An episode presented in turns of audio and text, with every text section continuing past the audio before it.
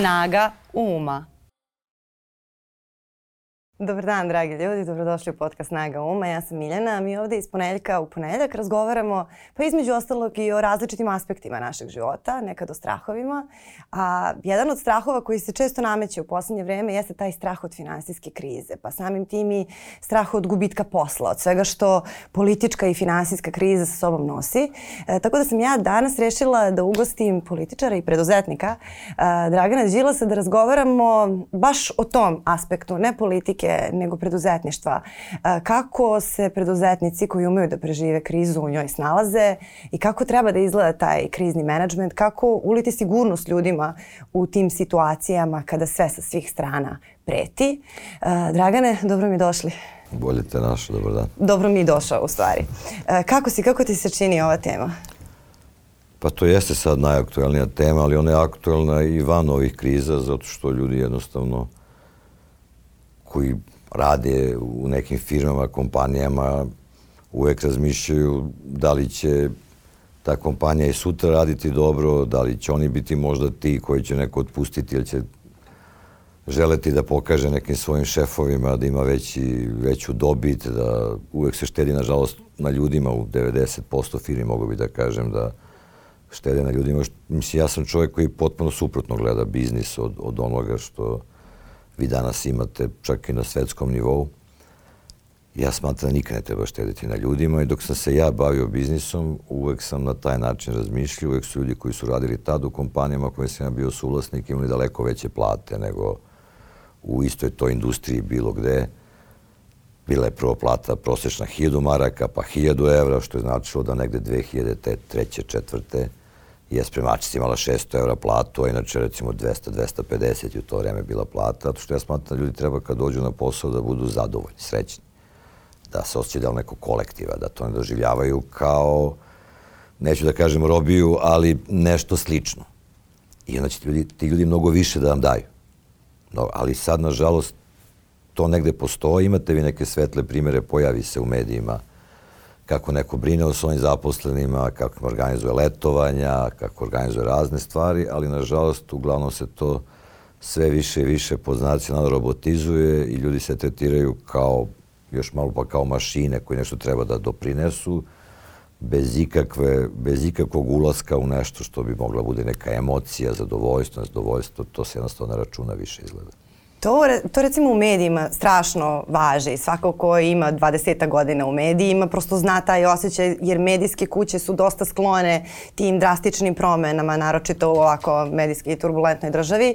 I onda tu među novinarima postoji jedna izreka uh, da kada kreneš negde da radiš nisi jednom, ruko, jednom nogom na vratima, nego si jednom nogom na prozoru. Jer svi su spremni da se u svakom trenutku nešto desi i da se sve promeni. A to je stvari strašno stresno i uh, dešava se ljudima, znači to nije samo, nije samo u medijima, kod medija postoji i ta etika, ali je specifično. Da li imaš recimo neke primere kako to izgleda, kako izgledaju ti početni simptomi kada preduzetnik prosto vidiš da ne ume da se snađe sa nekom krizom koja dolazi. Ja sam sve vremeno držao neka, čak jedno mi predavanje na, na fakultetu organizacijalnih nauka budućim menadžerima. Jer mi često vidimo da neki ljudi koje kad malo pogledamo čudimo se kako je sad ovaj to uspeo da napravi i tako dalje, osim ako nije neka kombinacija sa državom, sa režimom, pa naravno onda to već vidimo šta se sve dešava posebno i deset godina. Kako je taj uspeo sve to da napravi? Pošto za svaki biznis treba da imate neki plan, treba da imate neku viziju, da znate neke prepreke, kad pokrećete biznis, ma koliko bilo isplativo to što radite, moda računate da šest meseci nikakve prihode nećete imati, pa ako dođu to je dobro, a mnogi uđu u biznis tako što očekuju da će već za dva meseca, pošto imaju dobar proizvod ili znaju da rade to, početi da im se vraća, pa, pa se to ne desi, pa firme propadaju. To su sve neka pravila. I za svaki ozbiljan posao treba imate ozbiljan biznis plan. Da znate korake, da znate gde ćete biti za šest meseci, gde za godinu, gde za šest godina, I onda ljudi ne mogu da veruju kako su neki nešto napravili. Ja sam to objašnjavao time da mi u stvari na hiljadu ljudi, oni koji ne poštuju pravila, oni kao, pa nije baš kao u milioneru ili ipak ljudi nešto znaju, ali pogađaju. I sad potpuno slučajno su prošli do toga i napravili su nešto veliko, tako što su na 999 pitanja da li levo ili desno otišli slučajno na pravu stranu. Naravno, ne vidite hiljade i hiljade onih koji nisu imali kapacitet za takav neki biznis, koji su propali, nestali, njih ne vidite, ovoga vidite. Ali ovo obično, kad neko tako nešto napravi, na kraju to opet se spusti dole. E sad, ko je tu žrtva, osim tih ljudi koji naravno su vlasnici tih kompanija, žrtva su zaposleni. Jer oni dolaze u neku firmu, imaju neke uslove, prihvataju neke uslove, neke plate, onda se često to završi time da rade mnogo više nego što treba da se radi, da im se traži da rade maltene svaki dan, da su sve vreme na, na, na, da, da može dođeš do njih. Sad se to na zapadu malo menja, pa maltene kad se završi radno vreme ne može niko više da vas zove, naravno mi smo, mi smo daleko od toga. Ja u svojoj kompaniji sam imao pravilo da ljudi rade od 9 do 5, naravno nije baš da sad mora u minut sve to da bude, kad ima puno posla, možda se ostane posle posla, ali to je moglo da traje vrlo ograničeno, jer ako ljudi svaki dan ostaju posle, znači ili nas nema dovoljno, ili nešto dobro ne radimo. Tad sam svim mojim svojim prijateljima govorio to što vi hoćete pobegnete od kuće, pa se vadite da radite ovde, to više neće moći. A, I ta firma je dala rezultat, zato je i postala najveća u celom ovom delu Evrope u biznisu koji smo se mi bavili. Ljudi su bili zaštićeni, znali su da ako se desi nešto loše, ne da Bože, da će dobiti novčana sredstva od firme, ako se desi nešto lepo, rodi se dete i tako da, opet će dobiti sredstva od firme. A, žene koji su išle na, naravno, na trudničko, porodiljsko, kad dođe to porodiljsko, tad je bilo valjda devet meseci je moglo da se ne radi, pa još tri meseca vam produže. Kod nas su mogli da rade pola radnog vremena posle toga za punu platu jer to opet daje neku sigurnost i, i sve. Ja mislim da je ta sigurnost strašno važna za svakog zaposlenog, to o čemu si ti sad govorila, da se osjeća sigurnim i zadovoljnim. Nažalost, kažem, danas je svet otišao na tu stranu da se ljudi gledaju kao brojevi, kao neke mašine koji sad dođu tamo, ti ih uključiš i on treba sve to da ispuni, a onda imate ove neke uslove u nekim kompanijama i u Srbiji, nažalost, mnogo toga da li imaju 15 minuta pauzu, da li mogu da ostanu malo, da li je ipak pola sata, da li moraju da rade vikendom. To je jedan surovi, da ga nazovem kapitalizam, a da je to više polurobovlasnički sistem, koji u stvari ljude uteruje u tu priču, oni nemaju čega da žive, mora prihvate to i to je ono što je loše. Ti simptomi, to si me pitala. Da Kako vidiš da, da pa kreće dobro, ti, ta bahatost ti prvo, i to? Ti prvo treba da vidiš kad, ovo je sad vreme krize, znači ovo nije standardno vreme, ovo je kriza koja je ogromna. Ali na krizama se vidi, mislim često se na, na krizama Pa dobro, da, ta kriza posljednji put je bila ogromna 2008. godine, svetska kriza i sad je svetska kriza. Možda je svet malo pripremljeniji sad, pošto je bilo to pre, pre 15 godina. I mi danas recimo slušamo kako u Nemačkoj je porastao broj stečaja za 26%. Onda Dušan Nikitić uđe na podatke zvanične Nemačke i ispostavi se da se smanjio za 4%, ispostavi se da je, je veći broj zaposlenih u industriji, da, da se više radi, da se više proizvodi, da je to samo deo ove kampanje sad koje se ovde vrši. Da, da to je promovisanje, ima, ima i gore. Rusiji, kako ćemo ostati bez ičega i kako Zapad zbog toga plaća ogromnu cenu. Naravno da plaća cenu, nije to sporno, ali se ta cena ne odražava na takav način. A, uvek je lako primetiti u kompaniji kad neke stvari ne idu dobro. Ne samo o tome da li kasne plate nekome i oseti se ta atmosfera odmah, zna se da je neki problem, a tržište jeste surovo. Mislim, to, tu, nema, tu nema priče. Tržište jeste surovo. Mnogi su pogrešili u tome što su se preinvestiraju, što očekuju da će imati veći prihod, mnogo privatnih kompanija pogreši u tome što vlasnici uzimaju previše para za sebe, za svoj lagodan život.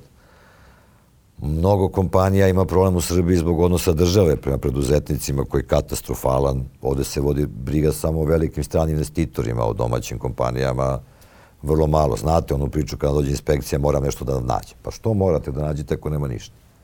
Yes. A što mora da se piše kazna? Ili mora da nađe ili ne sme da nađe. Pa da, Nema e, pa dobro, Ili Da. Te čuveno, ne znam, isticanje firme na, na noj zidu. I sad, što mora svaki put kazna? Mislim, što ne može se kaže čoveku, ovo je pravilo, ovako treba da bude, imate 10 dana, kad postavite, pošaljite nam mailom, nije važno i u redu je. Ne mora svaki put kazna, može nekad, može nekad da se ljudima da neki save, da se kaže može ovako, ne mora onako, da se pomognu da se pomognu kompanije, posebno koje mlađi, mladi ljudi otvaraju. Dobro, i to je praksa koja postoji u Beču, ako otvarate radnju negde, vama se država malte ne ponaša kao da ste vi klijent.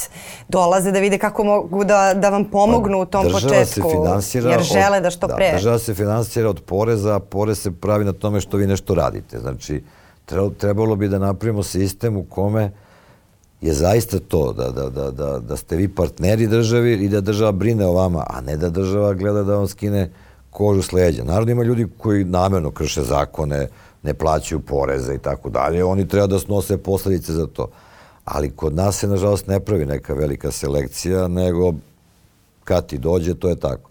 Ja mislim da je to, recimo, pogrešno. Mislim da je pogrešno banaka prema, prema privatnim firmama u Srbiji, gde oni grcaju dok plate sve to što treba da plate, da su sve to neke stvari koje, koje su loše i onda se to naravno odrazi na poslovanje firme, odmah se to osjeti na atmosferi. I obično svi pribegnu e, da smanjimo broj zaposlenih. To je, to je prva mera, jer to je kao najjednostavnije. Da, najjednostavnije uvek. A tu postoji ta teza koja dalje u ljudima živi to da ti neko daje posao, da ti neko daje platu i da onda ajde kao iako te maltretire, ako se dere, iako ti je ne dan svaki put, on ti je daje pa kao dobro je, makar će nekad doći. Mislim i u državi u kojoj maltene državni vrh eh, na televiziji predsednik mobinguje ministre, to je nešto što bi trebalo da bude neprihvatljivo i u firmi iza zatvorenih vrata ne bi smelo tako da se, tako ponašanje da se manifestuje kod nas ima i onda se to širi i nekako se čini da u takvom, u takvom društvu se stalno spušta radno samopoštovanje ljudi.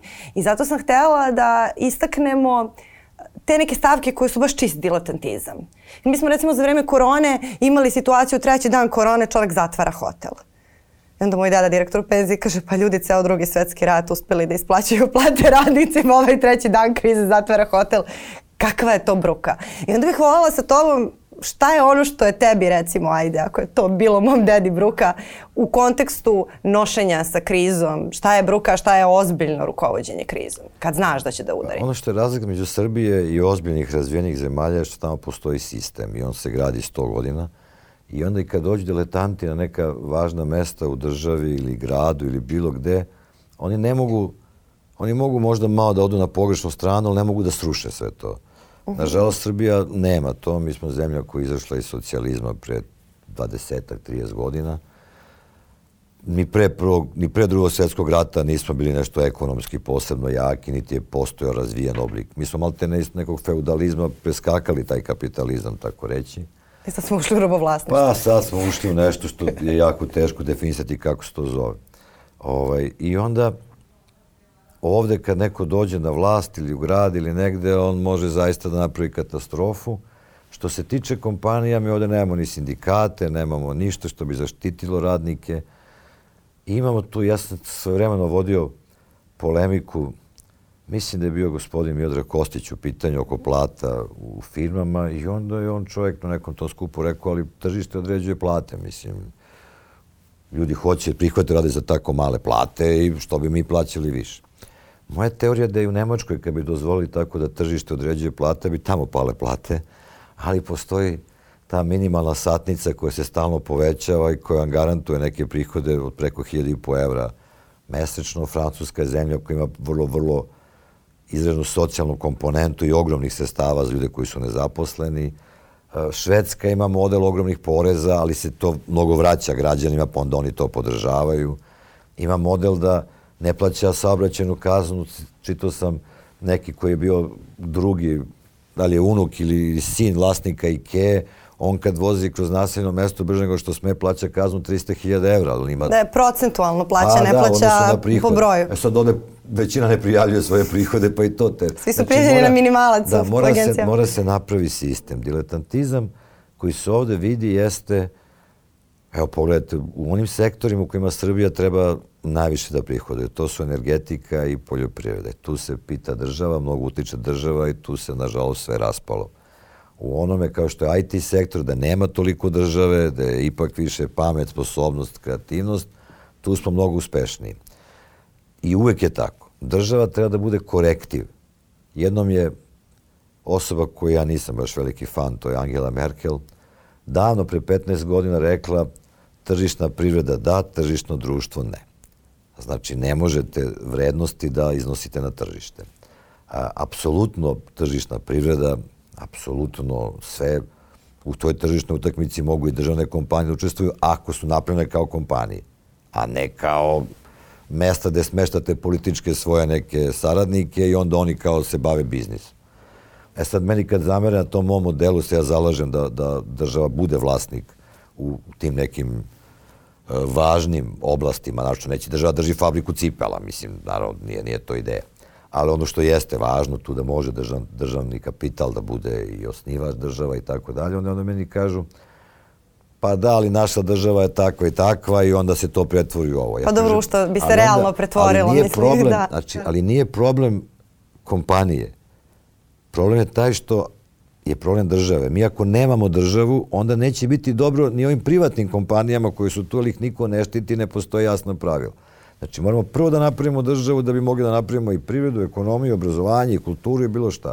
A mi to, nažalost, danas ne da nemamo, nego smo koliko daleko. Mi smo milion nekih mera predlagali i kad je počela ova korona i tad smo izlazili sa mera. Pa onda oni to nešto prihvatali, prihvate posle recimo tri meseca, mislim, ili šest meseci. Evo sad imate jednu situaciju koju država nema novca, to su priče kako mi imamo puno para i kako nama ništa ne treba i mislim, to nema veze.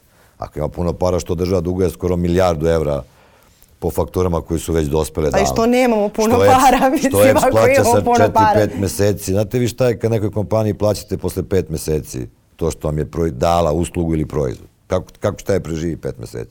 Kako će primjer platiti ljudi, od čega? Mislim, ne razumem. Ovaj, sad imate ovu zemlju koju recimo će ove godine NIS imati profit preko milijardu i nešto evra, to je jedno 5-6 puta veće nego inače, gde će recimo kineski Xi pošto smo dozvolili da izvoze rudu, znači ne pre, prerađen, prerađena ruda u bakarne neke legure ili šta, ne, nego rudu izvoze za milijardu evra, imate isto dobit preko milijardu evra. Pa zar nije logično da zar nije logično da država kaže ljudi imate toliko puta veću dobit, pola od te razlike mora da ide u budžet. Evo, pola ostaje vama, pola ide u... To bi bilo jedno milijardu evra u budžetu Srbije danas. A zašto to ne kaže? Pa iz političkih razloga. Pa vrlo. dobro, ali kojih? Šta, šta konkretno mi, šta pa misliš? Pa, koja bi bila cena da- politička da... kada bi to rekli? Pa nema, ja, ja ne mislim da bilo bilo kakva cena. Nego sad će to da uvedu sve zemlje Evrope, pa kad budu uvele zemlje Evrope, onda ćemo na kraju mi, ćemo opet ostati deo bez para. A, to je pogrešno. A to kukavičluk? Ili pa, je da, ja pogrešno da to, vaganje ja ili je... Ja mislim da to je više neki, neki navodni interes, mislim sad, da li je lični ili neko to predstavi šta? kao državni, pa ko zna šta tu sve ima. Ali je to sigurno pogrešno. Znači, sigurno je pogrešno. Sigurno je pogrešno to što nisu ograničene marže uh, trgovačke na proizvode, pa sad imamo te skokove cena neverovatne. Sve to pravi jednu strašnu nesigurnost kod ljudi. I sad čak može vaša kompanija da dobro radi, da se vi tu dobro osjećate, ali vi vidite tu nesigurnost za svakom koraku. Vi imate neku platu, sad možda kupite više manje četvrtinu što mogli da kupite. Da li će biti grejanja, da li će biti struje, da li će biti prevoza, šta će biti... Sad to napravite jednu potpuno nesigurnost u celom društvu, ona se, ona se prelije na prirodu. Vi ste mladi, vi se neštete toga.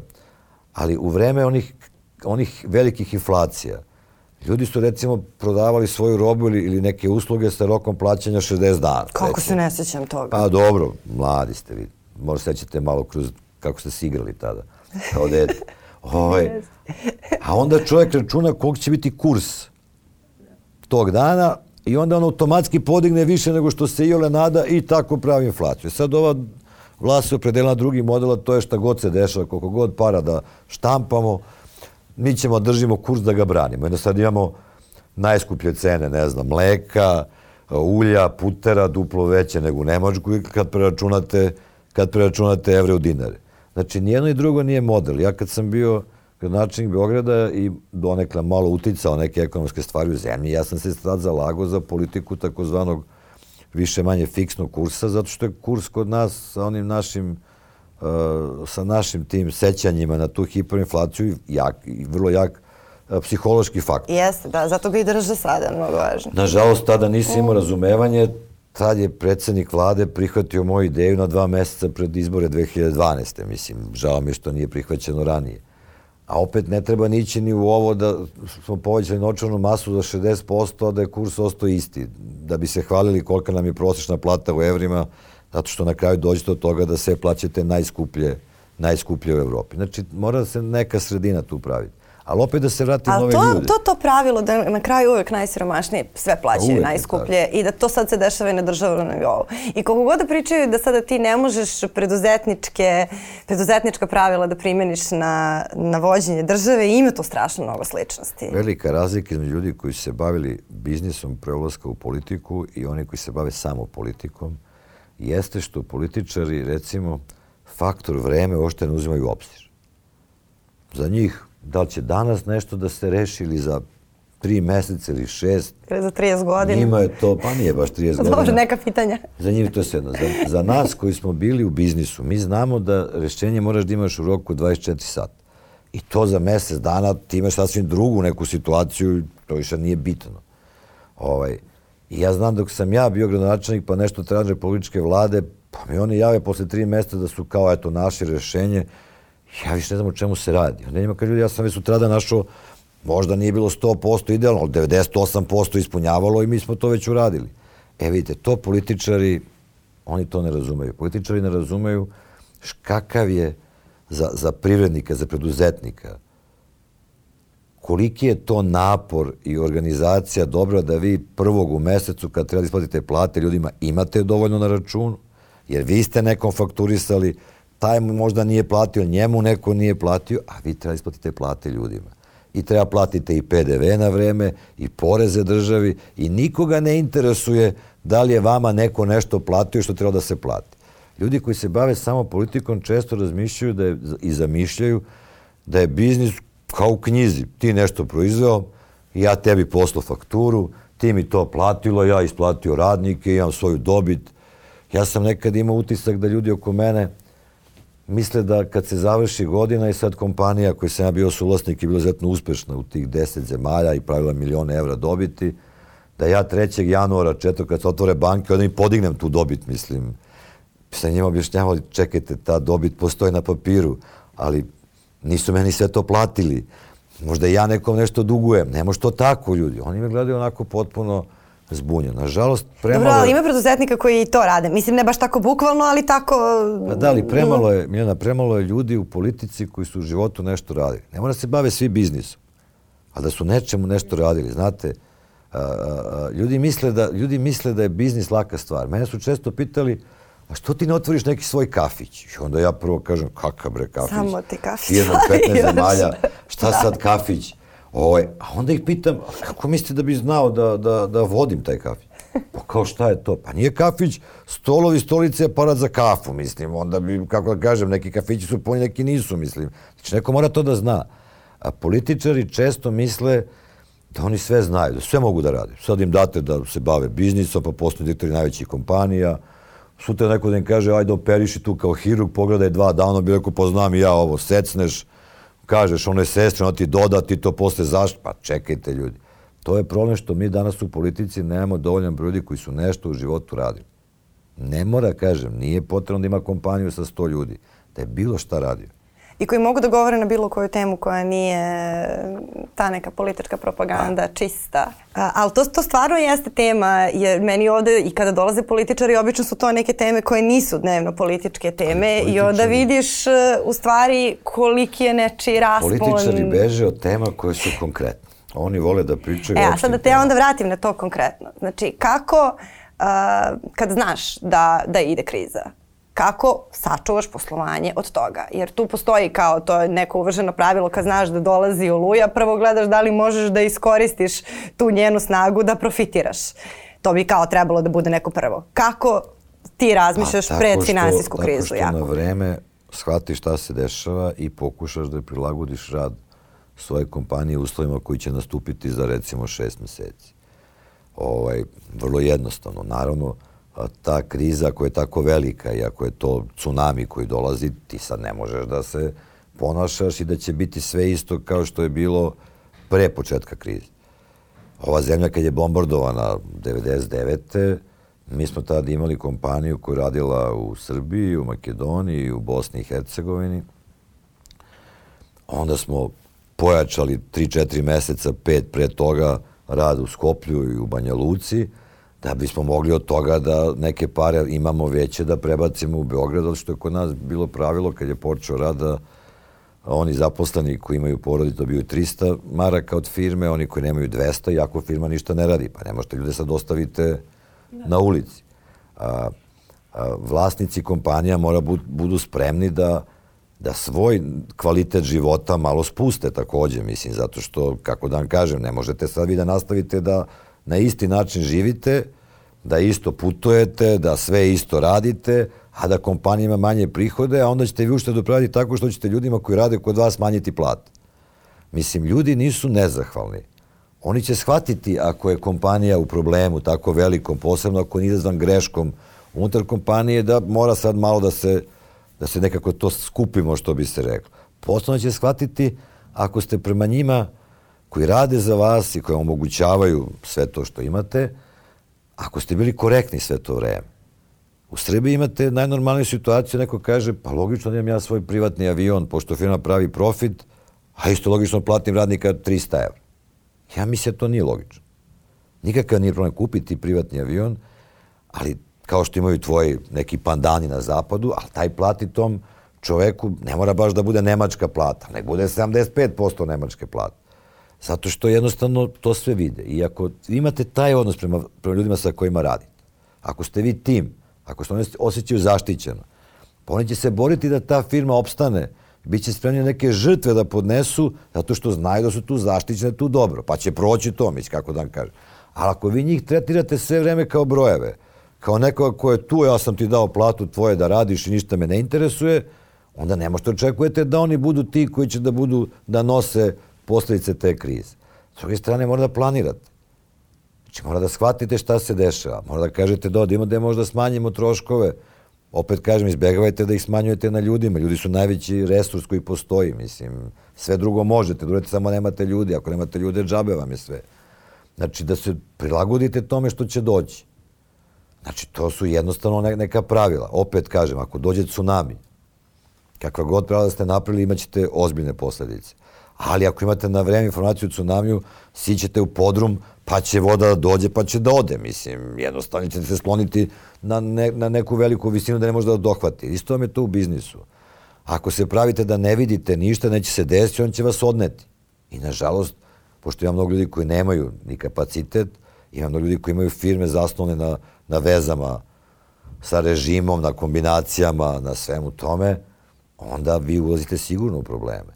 I onda, vas, onda vam niko ne može pomoći, zato što jednostavno to je tako. Ali ozbiljne kompanije uglavnom izdrže sve te probleme i nastave dalje da, nastave dalje da rade. Na kraju kraja vi možete se dogovoriti sa vašim zaposlenima da će sad biti smanjene plate dok ne prođe kriza, a onda kad prođe kriza bit će im opet pune plate i bit će im vraćeno to što su se u tom periodu odrekli. Znači, ja mislim da sa ljudima treba da se razgovori da može, može mnogo toga da se dogovori. Ako ljudima samo naređujete i ponašate se. Znači, ja sam uvek objašnjavao ljudima i u politici, nemojte da, da, da, da se prema ljudima odnosite na osnovu toga šta vam piše na vizit karti. Oni će vas slediti, zato što je to neka hjerarhija. Ali mnogo bolje da idu za vama ako veruju da vi znate gde idete i da znate da radite taj posao. Onda će oni zaista punog srca ići za vama. Ako idu za vama samo zato što vi imate sad neko vas je postavio na neko mesto. Ili straha. Ste, ili straha, da. to neće na dobro da izađe. Ja sam bio mnogo ponosan što iz kompanije koji sam ja bio suvlasnik, ljudi nisu odlazili. Samo su odlazili ako ih pozove, ne znam, Bajazdorf Nivea da budu direktori za pola Evrope ili ih pozove Coca-Cola da budu šefovi za ceo Balkan ili pozove neka televizija da budu direktori marketinga cele televizije, ali to je preporuka i za mene i za kompaniju koju sam ja suvlasnik da, da ljudi koji su tu u tom timu dobijaju takve ponude, mislim. Ali iz naše kompanije nikad niko nije otišao u neku ono konkurentsku kompaniju. I to znači da imate dobar odnos s tim ljudima i da jednostavno ljudi pri, prihvataju taj način rada i da se pravi jedna dobra atmosfera, da jednostavno ne, ne trete, opet ponavljam, već treći put dosadan sam. Nemojte tretirati ljude kao broje. To možda treba ponavljaš po tri puta na svaki sat vremena kao u onom dnevniku dva, tri, kako, jedan minut, dva, kako yes. se ne zove na, na Pinku. Mislim da je to mnogo važna tema i ovu temu Srećem sam izabrala sada, iako sad imamo mnogo bitnijih političkih tema, zato što postoje, zato što Ništa je život, zato što je to nešto što je ljudima bukvalno stoji na duši svaki dan, nekad i po 30 godina, koliko oni i ili koliko rade. A s druge strane, postoji ta jedna jako ružna tendencija da se malte ne promoviše taj kult direktora koji je gazda. I da se to predstavlja kao nešto što je dobro. To je ono što možemo da vidimo u politici. Možemo da vidimo te neke muškarce koji se šire, koji naređuju, koji 2000 dinara, 3000 dinara, koji to dele plate kao da dele Do. pomoć ili dele pomoć. I to se baš promoviše, a ova neka druga strana koja u suštini zapravo donosi uspeh, koja nije ni ne počiva na korupciji niti bilo šta, se u suštini ne promoviše. Ti nemaš sada tu priliku nešto često u medijima da ljudi govore kako je to užasno, kako je to kontraproduktivno, kako to nije dobro čak ni za profit. I onda sam baš želela sad u ovom trenutku krize jer sve to zapravo, kao sad ja da se ponovim, srozava to neko radno samopoštovanje ljudi. A Od, bez toga ne mogu ne se iskobeljaju s tako neke firme loše. je meni postalo jasno koliko će biti velika kriza. Sam postao gradonačelnik u augustu i za dva meseca sam vidio kako budžet Beograda nestaje, jer je manji prihod u budžet i tad se raspravljao sa ljudima u vladi, tražio promjenu ekonomske politike, tražio se čuje radna mesta, da kažem ljudima ono što jeste činjenica, šta će biti, da ne može tako, možda, ste, možda je obećano 200.000 novih radnih mesta u kampanji, ali to jednostavno nije moguće ako je svetska kriza, ako, ako Nemačka je u krizi, i ona manje uvozi to, a pošto mi najviše izvozimo u Nemačku, znači ćemo mi manje da izvezemo, manje ćemo proizvedemo, pa ne možemo da, da sačuvamo sve to. Nažalost, malo su me prekasno poslušali, nisam ja bio nešto genije. Ja sam video u mom budžetu i razgovarao s ljudima iz privrede koji su mi to isto rekli. Znači, ali mora shvatite da u politici imate previše ljudi koji ništa u životu nisu radili, mnogi od njih leče neke svoje komplekse, znate, dolaze na televiziju, oni su važni, oni nešto odlučuju, pričaju i tako dalje, i tako dalje. Nažalost, to je politika svuda u svetu. A ovdje ljudi beže iz politike. Pa što bi neko ko je privrednik, kao što sam bio, ja ušao u politiku da završi kao čovjek koji ukrao 600 miliona evra i najveći lopovi kriminala, šta će im to u životu? Što bi to radili? Ali dobro, to je, ja sam donao svoju odluku i, i ja mislim da svaki čovjek koji u ovoj državi nešto napravio, treba neki način svojim znanjem nešto vrati toj državi, ne samo platio sam porez i to je, i to je sve. Ok, plaćaš porez, to je zakon. Ali što ne pomogneš da se još nešto, ako već vrediš, da se još nešto promeni. Onda dana ćemo mi, ja verujem, doći do toga da ipak izađemo iz ove politike koje je današnja vređanja, svega ovog najgoreg što se dešava, kriminala i toga i da ipak i neki ljudi nove generacije budu spremni da uđu u to, jer politika jeste najlepši posao na svetu. Vi donosite odluke koji ljudima mogu da promene život na bolje i da vam šalju neku pozitivnu energiju zbog toga. Mislim, to je, za mene je to politika. Sad malo dele utopijski, ali nema veze. Mora da verujete u nešto. A ovo sve, taj kult, on zaista postoji. To je taj veliki šef, on je genij, on sve zna, on se ponaša na način koji se ponaša, on je vlasnik maltene ljudi koji rade za njega. I nek ima avion, nema meni, veze, meni kao sve kad, to. Meni je muka kad to vidim. Da. A meni je muka kad to vidim. Ali moram da kažem da kompanije koje imaju više od 20 zaposlenih, ako je nastave da funkcionišu kao kad, kad ih je bilo manje, da jedan čovjek donosi sve odluke, one propadaju sigurno na kraju. Znanje menadžera da napravi tim i da vodi taj tim. I da u timu ima ljude koji su za svoje oblasti znaju čak možda i više od njega. Ali da ih ubaci sve i da ih vodi kao tim i da svako daje svoj doprinos. Kad dođe firma na 100-200 ljudi, pa ne može na jednom mestu se odlučuje o svemu, to je nemoguće. Kao što morate da znate da velike svetske korporacije i velike privatne firme koje imaju nekog hiljada zaposlenih, veoma puno liče na državne firme. Jer onda dolazi do toga ko kog zapošljava, pa onda onaj bira slabijeg od sebe da ga ne bi zamenio, pa zato, ja, ja imam svoju teoriju koja naravno nije malo je poluduhovita, ali da recimo taj human resource management i sve to je, je i zbog toga i napravljeno da se spreče da ljudi biraju lošije od sebe i da ih ne bi smenili. Pa, pa između ostalo, Pa onda da. neko drugi odlučuje o tome, a ne samo taj koji je tu, se kaže, nadležni šef. Ali velike svetske kompanije su robovi tih izveštaja, dobiti i tako dalje. Ja sam radio sa mnogim od njih. Njima je samo, naj, njima je samo važno na kraju godine prikažu da je veći ne, taj voljum obrt i da su napravili malo veću dobit. Još te ne ulaze kako je to napravljeno. Pa onda poslednjih 3-4 meseca, ne znam, ugase reklame, marketing i tako dalje i gledaju tu da kao uštede i onda tamo neko donese neke papire i kažu wow, super su ti ovi brojevi, ajmo u sledećeg godine još 5% gore. I samo tako. I niko ne ulazi ošte u sadržaj. I onda jednog dana se probude svi i shvate da, da to više ništa ne radi. I to, to, to tako ide. Samo, samo, ajmo, ajmo, ajmo, ajmo. Što bi rekao vla, e, akademik Kostić, nikad ne treba podcenjivati faktor ljudske gluposti čak i na, i na najvišim da, instancama. Znači velike, da, to velike je to. svetske kompanije se veoma često pretvaraju u ono, druž, državna društvena preduzeća. Aha, jel imaš izvešta, ima u izveštaju dobri ovi brojevi, svaka ti čast, ili nisu dobri brojevi i niko te ne sluša zašto nisu i samo se gledaju brojevi, isplaćuju se bonusi, ajmo, ajmo, ajmo i onda jednog dana se reši tako što ta firma proda nekom drugom, pa taj drugi si sad to nešto da... Znači, ni svetska Jeste, ekonomija nije baš uh, zasnovana u mnogim stvarima zdravim temeljima, ali postoji taj jedan sistem koji to ipak održava, koji kod nas ne postoji. Ali nemojte ošte misliti da, da u tim kompanijama je sve potpuno Ma to se vidi, to, to mogu ja da znam po marketinškim agencijama kada dođu ti veliki klijenti. To uopšte nije prva stvar ako se pravi neka reklamna kampanja i, ili PR kampanja. Nije prvo pitanje koja će biti najefiki, najefikasnija, šta će najbolje iskomunicirati naš proizvod, šta će ga najbolje prodati, šta će najviše podići reputaciju. Ne, nego šta će tu najbolje da prođe kod ovih, šta će najbrže da dobije odobrenje, pa da ovi drugi ja dobiju sećam, odobrenje, jer je taj ja lanac tako veliki bio, da mora. Radio, sam radio u Sačiju uh -huh. i, i radili smo za klijenta Sony. Uh -huh. I onda su oni tražili neku reklamu, mislim, koja je po tim bukovima takva, koja je dosadna, mislim, i koja vjerojatno radi, pošto je ona proverena, ali je stvarno. I tad je bio, mislim, Slavimir Stojanović je bio jedan od kreativnih direktora. Da, da. I on je smislio, sad ne mogu setim tačno kako je izgledalo, a znam da je za Walkmana bilo, nek, tad su još Walkmani postojali, mislim. I on je smislio kao potpuno genijalno rešenje. I onda je došao taj čovjek koji je bio zadužen za, za recimo ove dve zemlje. I onda je to pogledao i rekao, onako dosta iskreno, ja mislim da je ovo super. Ali možda moj šef kaže da ovo ostupa od onog pravila koje su napravljena. Pa ja da ne bi rizikao svoje radno mesto, ovaj, ja ću da uzmem ono dosadno rešenje, ovo pa... I tako, svi u hjerarhiji su tako ponašali i to nikad rešenje nije zaživelo.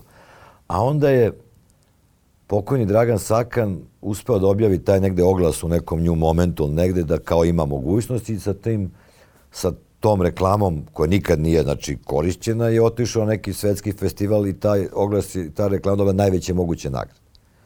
Ali svi se drže toga. Nemoj da rizikujemo, ajmo, ovo su pravila. Znači, kao što u Srbiji nema nikakvih pravila, ovde vrlo često postoji previše pravila. Sad ta pravila sačuva ili vas preče da napravite nešto drugo. Mi kod nas imamo, nažalost, da pravila vrlo malo postoje, to daje šansu kreativnosti, ali opet daje i mogućnost da se dešavaju stvari koje nisu redne. Najbolji model je kombinacija svega toga. Ne možete vi Švajcarsku da preselite, da preselite u Srbiju. Znači, kako da vam kažem, Švajcarska je Švajcarska. Znači, u Ciriku 23.00 se zatvara aerodrom, jer oni hoće da spavaju, kao smeta im aerodrom i onda ja sletim u Cirik, idem za Rio na olimpijadu, ovde kasnije avion pola sata, nema veze, nema, nema, on ode bez vas. To, je, to su pravila. U 23.00 sve se zatvorilo, nigde nemaš više da jedeš, ništa ne postoji, ni, ni kuhinja u hotelu ne radi, dobiješ neke sendviče od pre dva dana da preživiš i niko se oko toga ne uzbuđuje. A ti znaš da ti se to desi u Srbiji, naćeš 105 varijanti gde ćeš da jedeš, da. šta god ti treba ćeš da, da uspeti da završiš i to je to nešto što je naša neka med, mediteranski mentalitet koji ja, the way, mnogo više volim nego ovaj uštogljen i tako dalje. Kao nemaš posle 10 sati da uključiš veš mašinu pošto smeta komšima, da se tuširaš posle toga pošto smeta ne znam kome. Čekajte ljudi, nema bre da, da pretvarate nas opet u brojeve samo na drugi način i u neke, dajte malo, neka pravila postoje. Sad naravno, u Srbiji će onda vam bude muzika do dva ujutru, pošto je, znači, ni, o, ni to nije okej. Okay. Ajmo nešto što je neka sredina, što je normalnost. Da, to je, a, isto u tim ovim našim mediteranskim krajevima ta sredina se najteže postiže. Znači mi smo ili uh, preentuzijastični, fascinirani sobom, najbolji na svetu i u politici čemu god, ili Jeste, smo krajnji cinici, najgori Jeste, na svetu, nigde ta sredina. Pa dobro, mi, naša istorija je vrlo zanimljiva. Ja se ponekad zapitam u sve greške koje smo pravili kažem dobro da uopšte postojimo i kao država i kao narod. Mislim, kad pogledate šta je nama sve padalo na glavu i gde smo mi sve poturali glavu, nismo baš morali, onda, onda vam razmišljanje postane jasno. Ali mi treba da koristimo to, to što mi jesmo. Znači, taj, to što smo nažalost živjeli u teškim uslovima pa smo morali da razvijemo i neke stvari koje ono dete kad se rodi u Danskoj ne mora ništa da razvije, on ide kroz sistem i nema šta da misli. Ovde je borba stalna, mislim. Ovde je borba stalna. I jednostavno deo pravila, deo kreativnosti, deo sposobnosti da, da se u nekim situacijama snađemo, prilagodimo, je nešto što je naš kvalitet, mislim. Zato smo do pre, aj sad više nismo, ali smo bili zaista zemlja koja u košarci harala svetom upravo što je košarka sport da je kolektivni sport i da je i kreativnost i pravila i sve postoji. I mi smo bili najbolji u tome. E, to je, to je naš kvalitet. Mi imamo sjajne ljude u mnogim oblastima. Mi imamo uspešne privrednike, ali ovde je uvek vest samo ono što je loša vest. Ovde je vrlo redko vest u medijima nešto dobro se desi. Dobro, to je generalno globalni trend, da. Jeste, to je ne kažem ništa. Trend, ne da. kažem, sve se slažem s vama. Vest je ono što je loše. Nikad neće biti vest da je 5 miliona letova slete, ono, završilo let zdravo, uvek je vest kada se jedan Pa avion dobro, to je sruši, ekstrem, to je, ta, ekstrem, ta, ovde ta teza. Ja ne govorim o ekstremima, ja Da. govorim o tome da ima toliko uspešnih kompanija u Srbiji o kojima treba pričati, mislim. E, mora se Naravno. reketira, ne može. Pa znam, ali i naravno da ima uspešnih i menadžera i Da. svega. I onda vi stavite ovoga Grčića da vodi EPS, čovjek pre toga vodio neku pečenju, neki restoran i posle pet godina se svi začudimo kako je EPS propao. Pa kako da ne propadne kad ga vodi čovjek koji nema nikakve veze sa tim? Naravno da će propadne, mislim, samo pitanje je da li za tri ili za pet godina. I tako vam je u svakoj oblasti, mislim, nije to... Ali to je ono što vam opet kažem. U nekoj drugoj ozbiljnoj zemlji ne bi mogao da dođe Grčić Pa ne. koji u 40 neko je uzeo neku diplomu i sad će onda vodi najve... Ja zašto taj primjer navodim? EPS je najveća srpska kompanija. Najveća srpska kompanija. Pa kako smo došli od toga da tu najveću srpsku kompaniju čovjek koji nema ni jedan jedini preduslov to da radi? Osim partijske pripadnosti. Pa i u toj partiji ima toliko ljudi, mislim. Jeste, ali opet nije ni rješenje sad prodamo sve strancima. Prodali su PKB. Ja sam išao baš pre mjesec dana neku reportažu pravio i sad priču vodili su, kaže, sjajnu fabriku, ono, fabrika za preradu trave, pošto oni sade lucerku i izvoze u Arabske Emirate. I sad nije to, nema to veze. Ali ovako vam to izgleda. Ovdje vam je fabrika, a ovdje ovako je onaj Zrenjaninski put, onaj magistralni. Da. Ima 500 metara do fabrike. Ljudi nisu asfaltirali tih 500 metara. Tih 500 metara je makadam, leti je prašina kad prolaze ovi traktori i kamioni, zimi je blato, sneg i tako dalje, radnici to gaze. Ja po tome gledam odnos te kompanije. Ne može da ima ni odnos prema zaposlenima dobar. Kad ima takav odnos prema tome gde, znači platili ste daleko nižu cenu, ali ste platili nešto, dobro. Vi ste sad vlasnici toga. Pa kako možete tih 500 metara, to vam je 20-30 hiljada evra.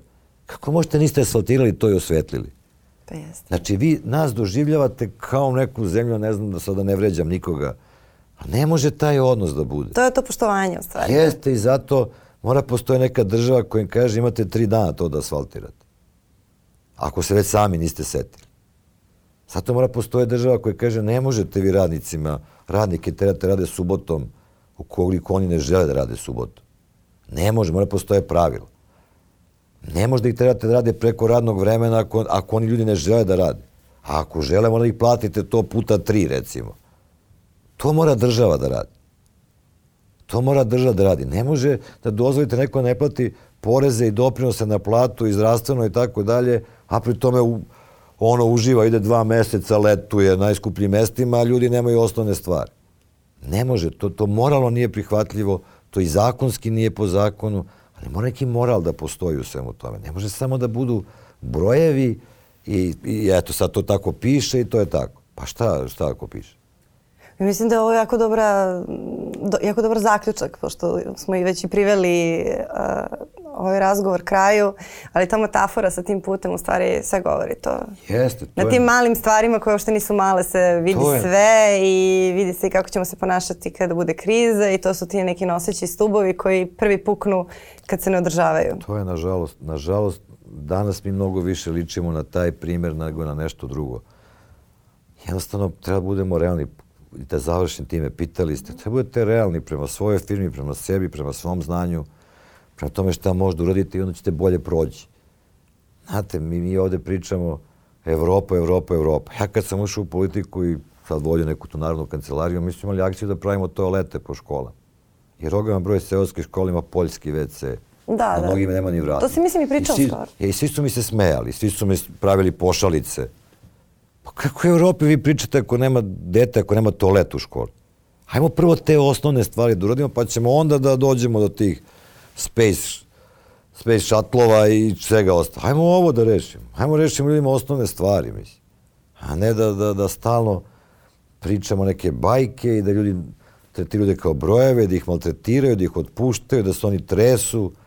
Tu mora postoji država. Zato kažem da završim time. Napravimo državu, pa kad napravimo državu, onda ćemo dovesti stvari u red. Hvala ti na razgovoru. Nadam se da Hvala ponovno imati priliku da te ugostimo. Uvijek te zove za ove poslovne teme, zato što ih i ima lepše. dosta, a i taman malo i ti da odmoriš A od, od dnevne nego, politike. nego od dnevne politike, sigurno. A, hvala i vama na vremenu i pažnji. Sa nam danas ovde razgovarao Dragan Đilas a, o tim nekim našim strahovima u ovoj poslovnoj i finansijskoj situaciji u kojoj se svi nalazimo i na nivou države, a boga mi i šire. A mi smo tu i sledećeg ponedeljka na Nova RS. Prijetno.